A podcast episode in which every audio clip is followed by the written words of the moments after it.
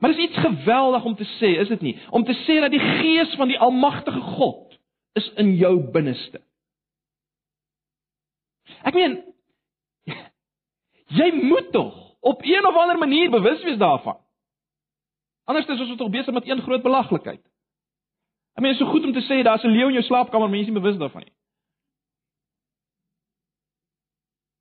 Meer as dit. So so op 'n of ander manier moet 'n mens daarvan bewus wees. Ja, natuurlik is dit nie by alle tye ewe sterk en in almal nie, maar daar moet iets wees van 'n bewustheid, daar's 'n ander beginsel in my. Kyk net na vers 10. Kyk net na vers 10. Maar as Christus in julle is.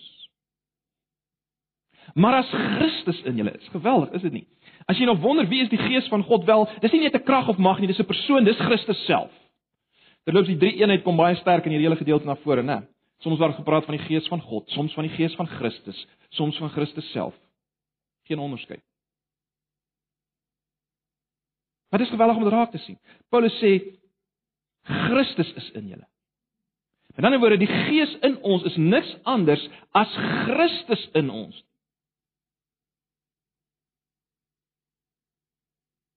En nou antisipeer Paulus as te ware 'n probleem 'n probleem wat 'n Christen op hierdie stadium met sy stelling kan hê. Ek meen, hoe bring 'n mens die gees van God in jou, Christus in jou in verband met hierdie liggaam, hierdie fisiese liggaam, die soma in Grieks. Nie sarks nie, die soma. Waarin ons is. Ek meen die gees is lewe, het hy nou al 'n paar keer gewys. Maar die liggaam is nog onderwerp aan die beginsel wat ingetree het met die sonde van Adam. Die liggaam waarin ons is is nog onderwerp aan daardie beginsel, naamlik agteruitgang en uiteindelike fisiese dood. En ons sien dit rondom ons, né? Nee. Elke grys haar en elke haar wat nie meer aanwesig is op ons koppe nie, is 'n teken van hierdie agteruitgang, van die feit dat ons fisiese liggame op pad is na die dood. En is dis nie al nie, ons is in hierdie liggame ook bewus van van die feit dat dat ons as te ware via hierdie liggaam versoek word tot sonde, né? Dis via hierdie liggaam wat die sonde werk, wat die begeertes in ons werk. Hierdie hierdie hierdie begeertes wat lei tot sonde wat in diepste neerkom op die bevrediging van self en nie die eer van God nie. Dit dit dit, dit, dit sit in hierdie liggaam as te ware. Die liggaam val ons aan. Ons gaan nou nou daarna kyk weer. So, mens kan amper sê hierdie liggaam pas nie lekker in by Christus in ons en die gees van God in ons nie. Nou daar's vreeslike debat of Paulus in vers 10 uh as hy sê maar die gees is lewend, jy sal sien die 53 vertaling uh vertaal met 'n klein lettertjie. Um in in in die 53 vertaling daar's vreeslik debat uh of of dit gaan hier oor oor my gees en of dit die gees van God is waarvan hy praat ook hier in vers 10. Ek persoonlik kies vir die feit dat dit nog steeds gaan oor die gees van God waarvan hy praat, nie my gees nie. Uh maar maar is nie so belangrik as ek dit so kan stel nie. Die, die die punt wat hy wil maak is daar's 'n beginsel van lewe in jou. 'n Nuwe beginsel van lewe in ons. En ek dink vers 11 maak dit baie duidelik, né? Nee, kyk net na vers 11. Kyk net na vers 11. Omdat die gees van hom deur wie Jesus uit die dood opgewek is in julle woon, sal hy deur wie Christus uit die dood opgewek is ook julle sterflike liggame lewend maak deur die gees wat in julle woon.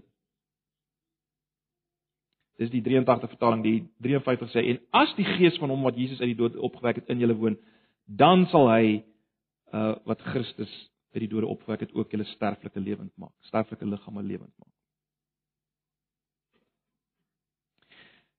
So die punt wat Paulus wil maak, uh, broers en susters in vers 11, uh, is is dit.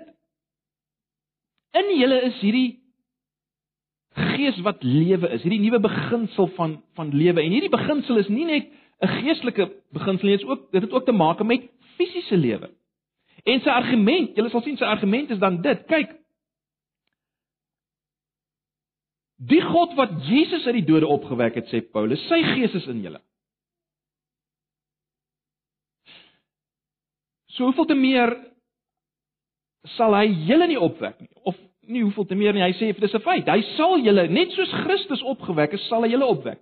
Uh net ter terloops uh as die as die Nuwe Testament praat oor die opstanding, is die hele weer eens die hele drie eenheid daaraan betrokke, né? Nee. Soms word dit gestel dat Jesus self opgestaan het. Ander kere word dit gestel asof God Jesus opgewek het en ander kere asof die Gees Jesus opgewek het. Mense dink aan 1 Petrus 3 vers 18 waar dit baie duidelik is, Jesus is lewend gemaak deur die Gees.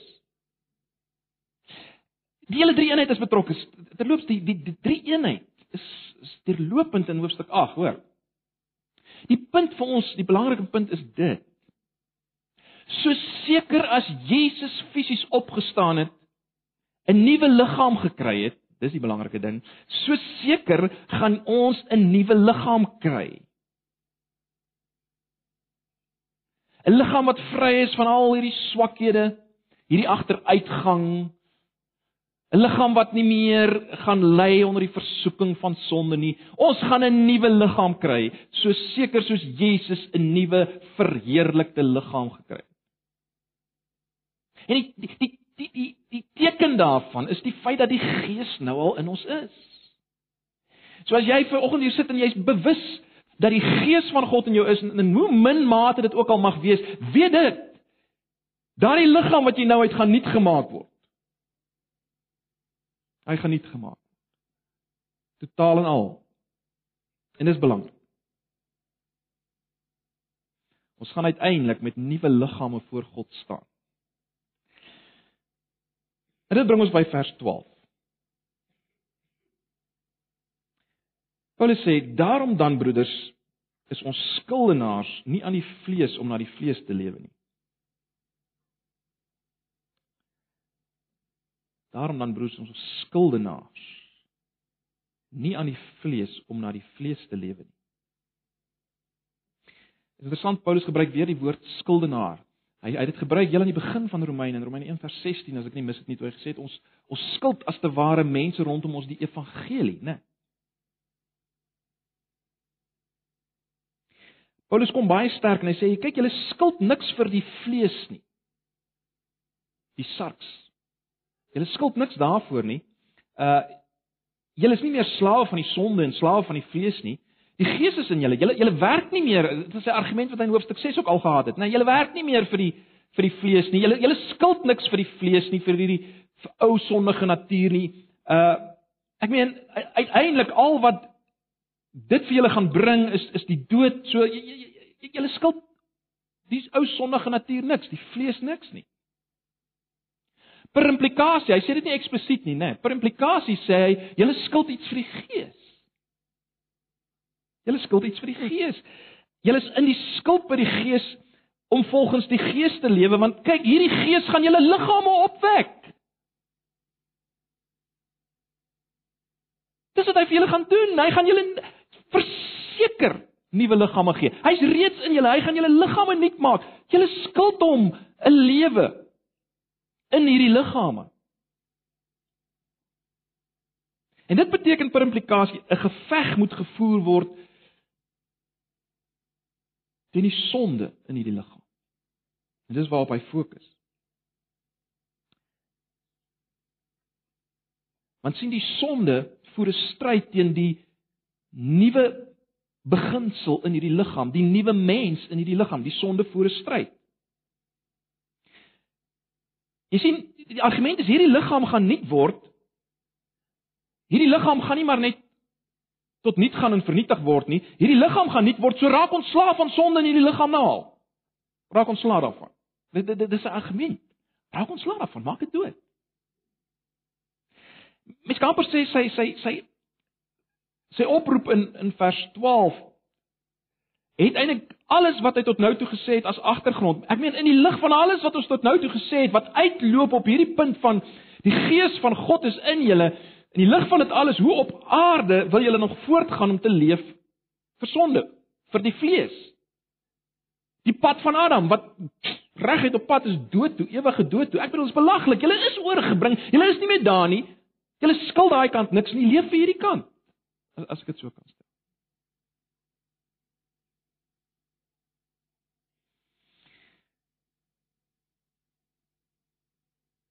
Dit bring ons by vers 13.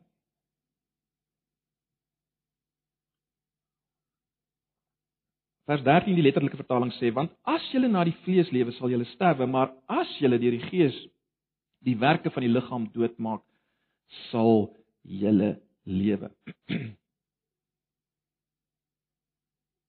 So Paulus gee as ware hier die rede vir die negatiewe opdrag in vers 12, né? Nee, hy wys wat is die verskriklike gevolge. Hy verwys hier na die na finale ewige dood, finale skeiding van God. Dis waarop 'n lewe volgens die vlees uitloop. Maar hierdie hierdie as kan 'n mens pla, né? Hierdie as kan kan 'n mens nogal pla. Ek bedoel, wat bedoel Paulus hiermee? Bedoel hy die doodmaak van sonde is die voorwaarde vir lewe? Is dit wat hy sê?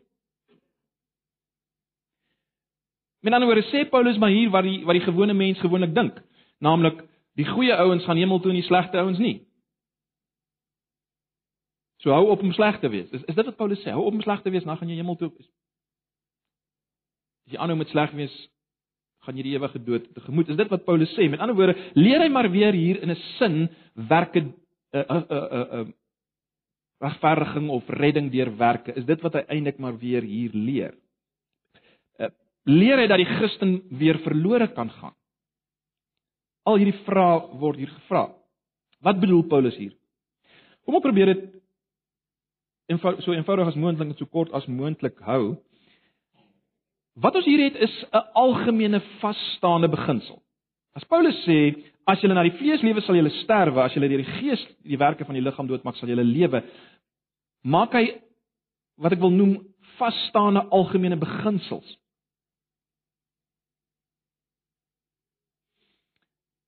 Net soos 'n ou die volgende beginsel sal stel. Jy sal sê As jy jou vinger in die vuur druk, sal jy brand, né? Nee, ek bedoel dit is 'n algemene vasstaande beginsel. As jy jou vinger in die vuur druk, sal jy brand. Jy sê tog nie, kyk, as jy jou vinger in die vuur druk, eh, kan jy waarskynlik brand. Mense sê dit nie so nie. Dis 'n vasstaande beginsel. Jy sê dit direk, konkreet binne die situasie. As jy jou vinger in die vlam druk, sal jy brand. Jy sê dit absoluut konkreet direk binne die situasie. 'n algemene waarheid met ander woorde in persoonlike konkrete terme. Jy gee die algemene waarheid in persoonlike konkrete terme. As jy jou vinger in die vuur druk, sal jy brand. En en en, en dis dieselfde soort van ding wat Paulus hier doen. Hy hy probeer nie sê dat die die ware Christens kan weer verlore gaan en so meer nie. Hy, hy bring nie die alles wat hy gesê het nou as te ware hierin gedrang nie. Om dit eenvoudig te stel, Hierdie as gaan met ander woorde nie oor 'n voorwaarde waaraan ons moet voldoen om die ewige lewe te bereik nie. Eh, eh, ek meen die enigste voorwaarde is geloof in Jesus en dit bly dit. Wat hy bedoel is dit. Dis die weg waarlangs kinders van God by die einde sal uitkom. So seker as wat sonde die weg is waarlangs nie Christene uiteindelik by die dood gaan uitkom. Dis 'n algemene beginsel. Dis die twee paaie. So so dis waaroor dit hier gaan. Dit gaan dus nie oor oorsaak en gevolg nie, dit gaan baie meer oor mens kan amper sê middel en eindpunt of manier en eindpunt. Dit gaan nie oor oorsaak en gevolg nie, maar oor manier of middel en eindpunt. Die weg waarlangs kinders van God die eindpunt bereik is die doodmaak van sonde. Dis een pad. En die ander pad is die dood. Jy sien die doodmaak van sondige praktyke is die manier waarop ons die pad van die lewe loop. Daar's nie 'n ander manier nie. Ons besit besit reeds die lewe in Jesus, maar iemand wat wat nie op hierdie manier loop nie, die manier van die doodmaak van sonde nie, wys daarmee bloot dat hy nie op pad is na lewe nie, maar op pad is na die dood, so eenvoudig soos dit. Hy's net op die op pad na die lewe of na die dood. As jy sonde doodmaak, wys jy jy's op pad na die lewe. As jy nie sonde doodmaak nie, wys jy jy's op pad na die dood. So eenvoudig soos dit. Hoe moet hierdie sonde doodgemaak word? Wel Paulus sê, dit moet gedoen word deur die Gees. As jy deur die Gees die werke van die liggaam doodmaak. Die Gees waarvan hy nou al gesê het in ons is wat vir ons lewe gee, die Gees waarvan waarvan hy later gaan sê dis die Gees van kindskap, die Gees waarvan hy nog later gaan sê wat ons help in ons swakheid as ons nie weet wat om te bid nie. Dis dis die Gees. Waardeur ons die werke van die liggaam soos hy dit stel letterlik stel sal uh, moet doodmaak. Wat bedoel hy met doodmaak? Nou dis natuurlik weer eens 'n uh, 'n beeldspraak, né? Nee. Kom ons dink vir 'n oomblik as jy iets doodmaak, wat gebeur? Kom ons sê as jy 'n dier doodmaak. Dit beteken dat jy die krag, die lewe uit daardie dier haal sodat dit nie meer kan doen wat dit gedoen het. As jy iets doodmaak, haal jy die krag uit, jy haal die lewe uit daardie dier uh sodat dit nie meer kan doen wat dit kon doen of gedoen het nie. Ek dink dis dis die gedagte wat Paulus hier wil deurgee. Dis die doodmaak.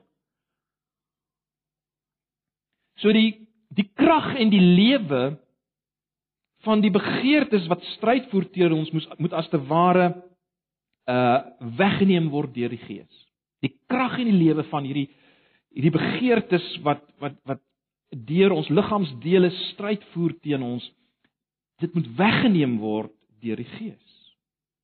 Dis die gedagte. Jy sien die Heilige Gees gee aan ons 'n nuwe hart met nuwe God verheerlikende begeertes. Dis wat die Christen nie het, die nie-Christen nie het nie, né? Ek meen sonder die Gees sal jy nooit so ver kom om sonde dood te maak nie. Vir wat sal jy dit doen?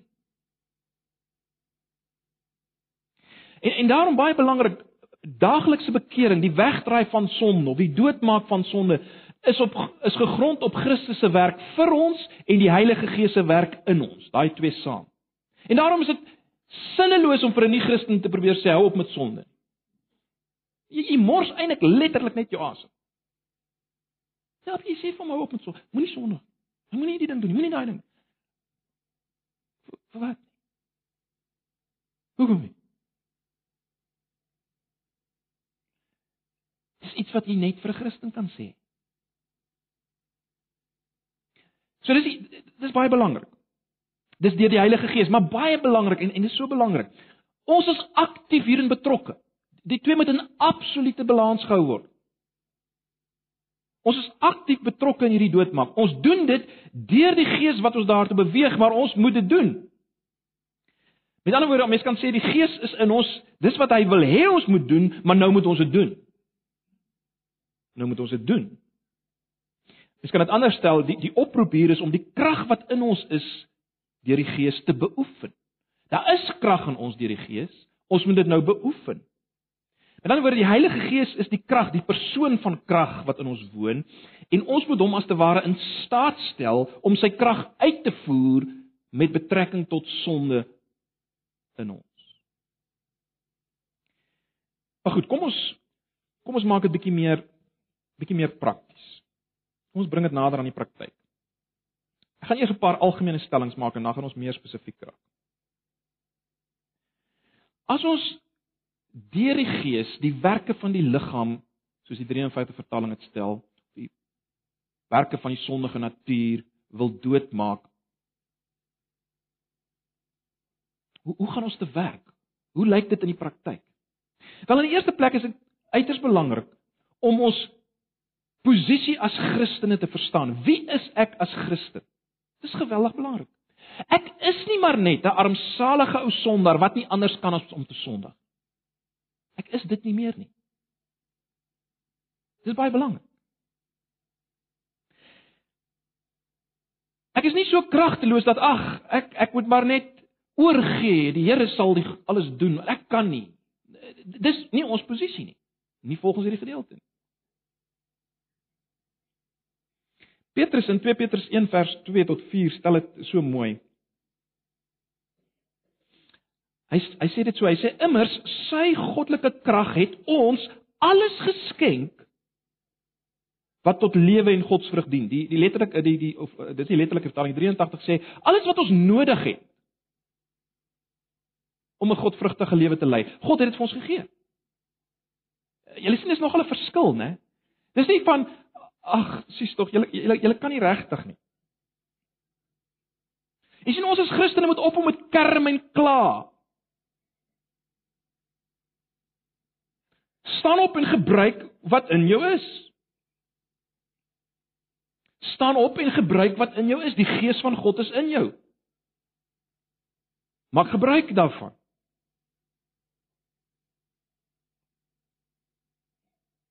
So dis 'n eerste baie belangrike ding. Jy's nie 'n arme, hopelose sondaar of 'n kragtelose nie. Jy is dit nie as Christen nie. Dis baie belangrik om dit te verstaan. In die tweede plek moet ons verstaan dat sonde is nooit iets wat net oor my gaan nie. Met ander woorde, jogg, ek het nou weer misluk uh, om nee te sê vir die sonde nie. Sonde het 'n uitwerking op die Heilige Gees in my. En daarom praat die Nuwe Testament van die gees wat bedroef word. Uh, Efesiërs 4 vers 30 en ander gedeeltes. Die gees word bedroef. Soos as moet dit verstaan as ons besig is met hierdie doodmaak van sonde, uh, dis belangrik omdat sonde die gees bedroef en as die gees bedroef word wel dan sit dan dan dan dan dan, dan raak dit baie moeilik om sonde dood te maak. Jy sien dat jy dit goed hou verband. So ek ek moet verstaan wie is ek? Die Gees is in my. Sonde gaan oor meer as ek wat misluk. Ek sondig teen die Gees, ek bedroef hom en dan het ek nie krag om sonde dood te maak nie. So so verstaan dit. Wie is ek? Die sonde bedroef die Heilige Gees en dan derdens wat betref hierdie algemene opmerkings, onthou die eindpunt waarna jy op pad is. Ek is op pad na 'n nuwe liggaam. Ek is op pad om voor Jesus te verskyn. Uh 1 Johannes 3 vers 2 tot 5 stel dit so mooi as hy sê iemand wat hierdie hoop in hom het dat hy Jesus gaan sien soos hy werklik is, hou homself rein soos Jesus rein is. Jy sien as ons nie die einddoel in ons gedagte hou nie, dan dan vervaag die rede waarom ons sonde moet doodmaak. Eenvoudig soos dit. Ek beweeg ergens heen, ek gaan ergens uitkom en daarom moet ek sonde doodmaak. Ek gaan uiteindelik staan voor God en wat gaan ek sê? As ek nooit as ek nie sonde doodgemaak het nie, waartoe is ek op pad? Jy sien so die eindpunt, baie belangrik. Die eindpunt is geweldig belangrik. Maar kom ons raak meer spesifiek. Wat moet ons doen om sonde dood te maak? Van krag te ontneem, soos ons gesê het. Ek wil hê ons moet eers direk en negatief daarna kyk en dan indirek of positief gestel. So direk en negatief gaan saam, indirek en positief. Kom ons kyk eers daarna, direk en negatief gestel. Hoe moet ek sonde doodmaak? Die krag van sonde ontneem. Wel die eerste punt is baie eenvoudig dit. Stop as Christen met sonde. So eenvoudig en direk soos dit. Petrus in 1 Petrus 2 vers 11 stel stel dit so. Ek lees dit in albei vertalings. Hy sê 53 vertaling: Geliefdes, ek vermaan julle as bywoners en vreemdelinge om julle te onthou van vleeslike begeertes wat stryd voer teen die siel. Punt. Of dan die 83 vertaling: Geliefdes, in die wêreld is julle vreemdelinge en bywoners, daarom dring ek by julle daarop aan om nie aan sinnelike begeertes toe te gee nie. Jy sien, Paulus gaan van die veronderstelling uit dat 'n Christen kan dit doen. Hy sê nee, ag kyk ek weet julle kan dit nie regtig doen nie want julle is maar julle is maar slawe van nee. Jy kan dit doen. Met ander woorde, jy kan die televisie afsit as daar iets is op wat wat jou besoedel. Jy kan jou selfoon wegsit, dis moontlik. Jy hoef nie deur 'n tydskrif te blaai nie. En, en so kan ons voortgaan. Jy kan nie dankie sê vir vir nog 'n drankie wat jou beïnvloed sodat jy nie onder die gees meer is nie, maar onder die invloed van die drank en nie onder die invloed van die gees meer is nie. Jy kan nie sê 'n Christen kan nie sê daarvoor sien vir ons dit. Want jy is nie meer in die vlees nie. Jy het die gees van God in jou. So jy kan nie sê, dis baie eenvoudig. Jy het geen verskoning uh om te sê ag ek is so swak en die versoeking is so groot. Jy het geen verskoning om te sê nie. Daar's iets groter in jou. Jy's nie meer vreeslik verkoop onder die sonde nie. Jy's nie meer 'n gevangene van sonde nie. Jy's nie 'n pasiënt in 'n kruisgevangene hospitaal nie wat behandeling nodig het nie. Jy's 'n vreemdeling en 'n bywoner op pad na die ewigheid. Jy's 'n soldaat in 'n geveg. Dis die beeld van Christus. 'n Groot verskil tussen 'n soldaat en 'n siek pasiënt in 'n kruisgevangene hospitaal. Nee. Dis die verskil. Dis die verskil. So stop met sonde. Stop met al daai twyfelagtige dinge in jou lewe. Hou op daarmee. Hou net op daarmee. Paulus gaan so Paulus is direk met teiken en sê vir die ouens Hou op met steel. Hou net op. So dis die eerste ding. Stop. Tweede ding, moenie jouself in 'n posisie plaas waar dit maklik is om te sondig. Moenie jouself in 'n posisie plaas waar jy aanleiding gee vir sonde wat dit maklik maak vir sonde. Ag, as baie gedeeltes. Ek, ek dink net aan Efesiërs 5 vanaf vers 10 tot tot 12. Waar Paulus sê, vra julle voortdurend af of iets vir die Here aanneemlik is. En moenie meedoen aan die vrugtelose praktyke van die duisternis nie, maar stel dit eerder aan die kaak. Dis 'n skande om selfs te praat oor die dinge wat ongehoorsame mense in die geheim doen. Dis is eenvoudig, is dit nie? Moenie gemeenskap hê met mense, met televisieprogramme, met flieks en met sosiale media wat jou aftrek en jou lei na sonde nie. Vermy dit. So eenvoudig soos dit. Nou, natuurlik praat ons nie hier van die feit dat jy soms jouself in hierdie situasies bevind en moet bevind as jy ander wil aanraak met die evangelie nie. Uh, dit is nie waarvan ek praat nie, maar dit kan baie maklik as 'n verskoning gebruik word, né? Uh mense kan sê nee, maar ek ek ek moet dan weet wat die nie-Christene doen of as ek hulle wil bereik. Maar eintlik lieg jy vir jouself want jy jy, jy wil, wil glad nie bereik nie, jy wil net jou eie sondige luste bevredig. So moenie jouself in 'n situasie plaas nie. En ag hierdie dinge gaan baie verder natuurlik as net nou uh, ons moenie nou weer eens net dink aan die aan aan soort van seksuele begeertes en goed nie. Dis nie waarvan ek praat nie. Alle dinge. Stop dit. Stop jou geneigtheid om negatiewe goed te sê en ehm um, ensovoorts ensovoorts ensovoorts. gaan gaan oor baie meer. Vir my goed wat maak dat jy nie meer lus het vir geestelike dinge nie wat maak dat jy nie meer gaan uitkom by gebed en die lees van die van die woord nie. Vermy daardie dinge. Jy hoor wat ek sê. Moenie dat jy nou weer net dink aan een kategorie van sonde nie. Dit gaan oor al hierdie dinge. Stop daarmee aan die een kant, vermy situasies wat uh daartoe lei.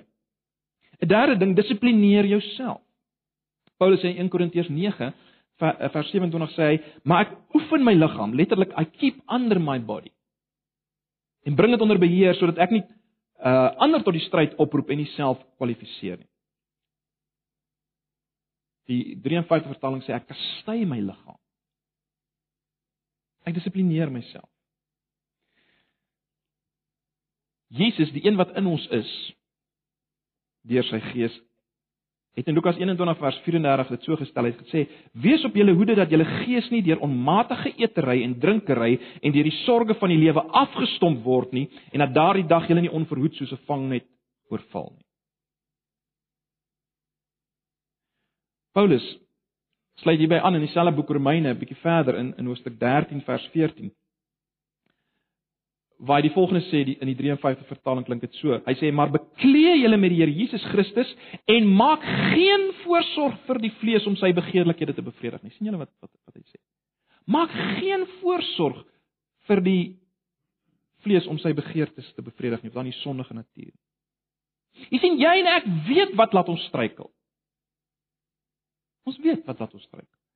Watter dinge wat ons hoor laat ons struikel? Watter dinge wat ons sien laat ons struikel? Watter situasies laat ons struikel? Laat ons dinge doen wat nie tot eer van God is nie op 'n breë vlak. Ons weet dit. En die en die hele punt is so sover jy daaroor beheer het, moet dit nie maklik maak vir hierdie dinge nie. Dis die punt.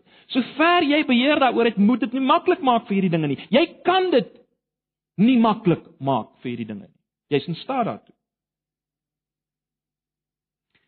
Miskien voel jy op hierdie punt, "Ag Jakobus, maar as jy nie bietjie oudtyds as jy so praat nie. Luister. Ons is nie ons is nie in 'n hangmat met wiele op pad na die hemel toe nie, né? Nee. Ons is in 'n stryd, 'n geveg. En as, jy as jy nie hou van die gevegterme nie, kom ons kom ons maak dit bietjie sagter. Wat ons moet doen is is kan vergelyk word met wat jy moet doen in jou tuin. Sien nou maar jy het 'n groentetuin, 'n uh, spesifieke groentetuintjie. As daar onkruid opkom, moet jy so gou as moontlik die plantjies met wortel en al uittrek, anders het jy probleme. Anders gaan jy jou tuin verstik laat doodgaan. So gou as moontlik moet jy daai plantjies met wortel en tak uit uittrek. Jy sien, dis dieselfde beginsel. Ons moet so gou as moontlik nee sê vir die oog wat wil dwaal, die gedagtes wat verkeerd wil dink, die gevoelens wat wil ag ag agtergoed aanhardloop wat ons wegtrek van Christus en so meer. Die oomblik as dit te voorskyn kom. Dis die gedagte. Met ander woorde, dit gaan oor die hierdie doodmaak gaan oor die doelbewuste verwerping van sondige gedagtes, suggesties, begeertes, aspirasies, die daad, die oomblik as ek bewus word van die teenwoordigheid daarvan en die sleutel is die oomblik. Mense, dis waarmee ons moet besig wees as Christene. Nee, dis waarmee ons moet besig wees as Christene.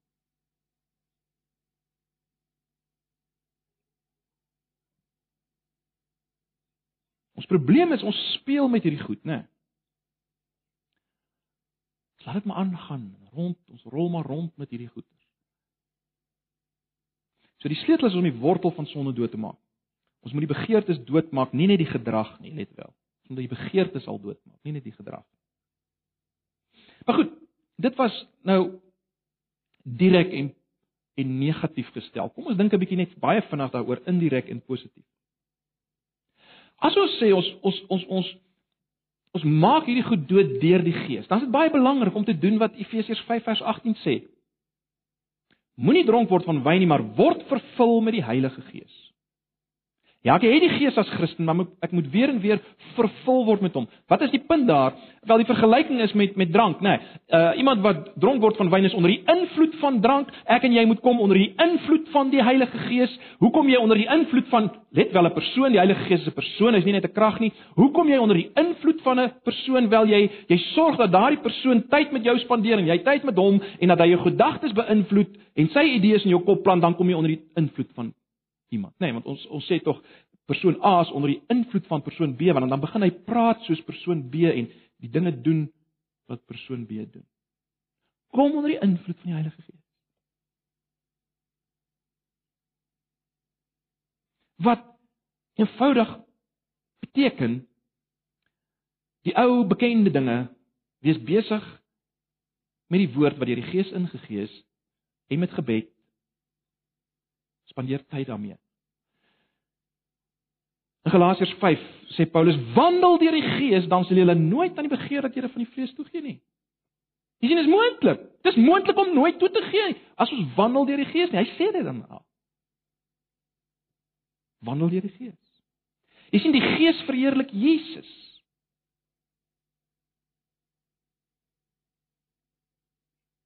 Die Jesus wat in ons is.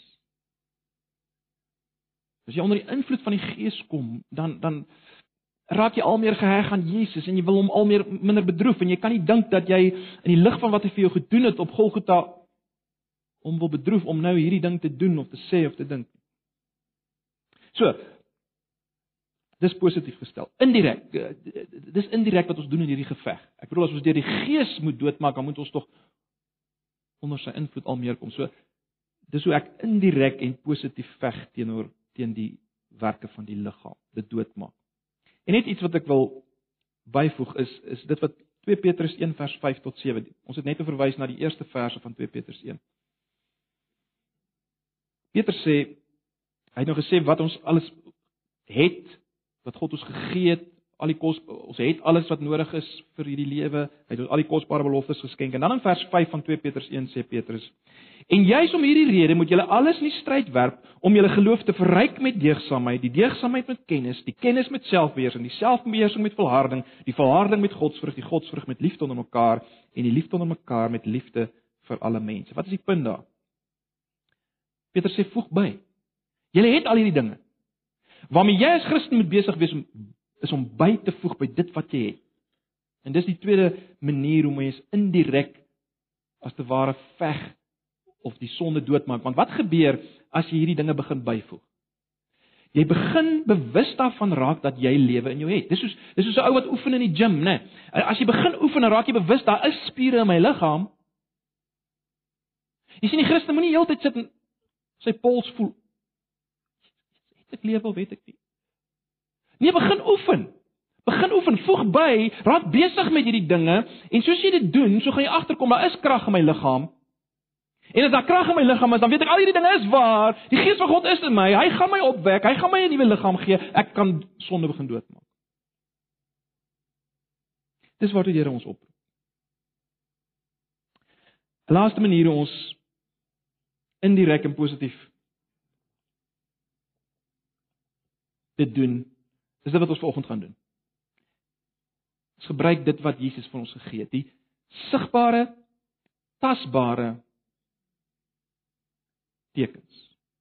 Hy het ons gegee. Waarvoor gee Jesus dit? Onder andere om sodat ons kan sonde doodmaak. Om ons te versterk dan, om, om ons ons te versterk en te sê, luister, so seker as wat julle hierdie wyn drink en so seker as jy daardie brood proe, so seker is ek in jou. Is die Gees in jou? Maak dood die werke. Jy sien dit ver oggend. Jy proe dit. Jy ruik dit. Moenie aangaan met sonde nie. Maak dit dood.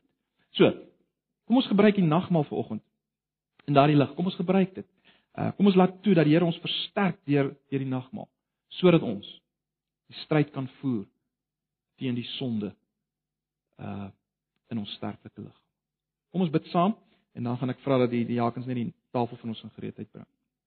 Ag Here, baie dankie vir die woord.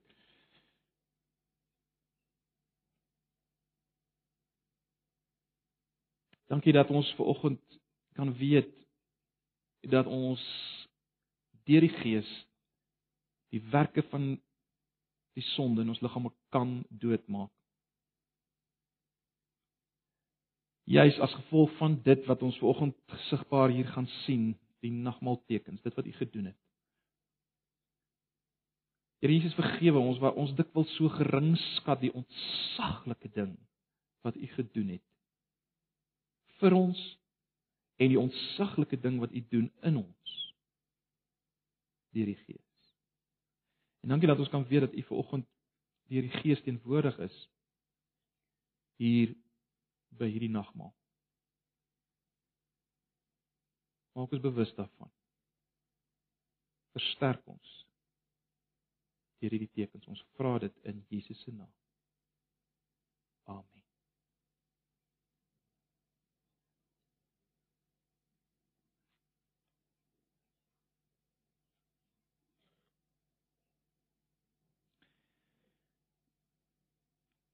Broers en susters, die die beker waaruit ons drink. Jesus sê dis die bloed van die nuwe verbond gestort tot die vergifnis van sondes. So as ons dit gebruik, kom ons dink aan wat Jesus vir ons gedoen het. Ons dink daaraan. Ons rig ons gedagtes daarop en is deel van hoe ons onsself versterk uh vir die stryd teen sonde om te dink aan aan wat die beker sê. Dis sy bloed vir my gestort en dit dit maak my deel van van 'n nuwe verbondsverhouding met hom. Ek raak deel van sy liggaam. En ek is nie, ook nie alleen in hierdie stryd nie. My broers en susters hier rondom my is deel van hierdie liggaam. Ons is saam in hierdie stryd. So kom ons gebruik dit. Gebruik die die beker in daardie sin. En die brood wat ons breek is die gemeenskap met sy liggaam. Sy liggaam is gebreek in ons plek. Uh en ons is nou deel van hierdie liggaam. Geweldig, is dit nie? Ons is deel aan hom. Hy is die hoof. Ons is die arms en die voete. Ons is deel aan hierdie liggaam en en my broers en susters weer eens is deel van hierdie liggaam. Ons is saam ook in hierdie stryd totdat ons geniet gemaak gaan word as hy weer kom. En daarom hierdie hierdie nagmaal, die die maaltyd kyk ook vorentoe, né? Nee, kyk vorentoe na die uiteindelike maaltyd wat ons in vreugde saam met hom gaan vier uh by die bruilofsmaal van die Lam. So ek nooi julle uit as jy aan die Here behoort en ons weet vanoggend dit beteken nie jy is volkome en volmaak nie maar jy het 'n nuwe beginsel in jou, die Gees in jou, as gevolg van dit wat Jesus gedoen het. En ons is in 'n stryd met sonde, die doodmaak van sonde. Ons is almal daarin. Uh en daarom is dit vanoggend nie vir die wat bo die stryd verhef is nie of volmaak is nie. Dis juist vir die wat in die stryd is. Kom en versterk julle deur die nagmaalsteken.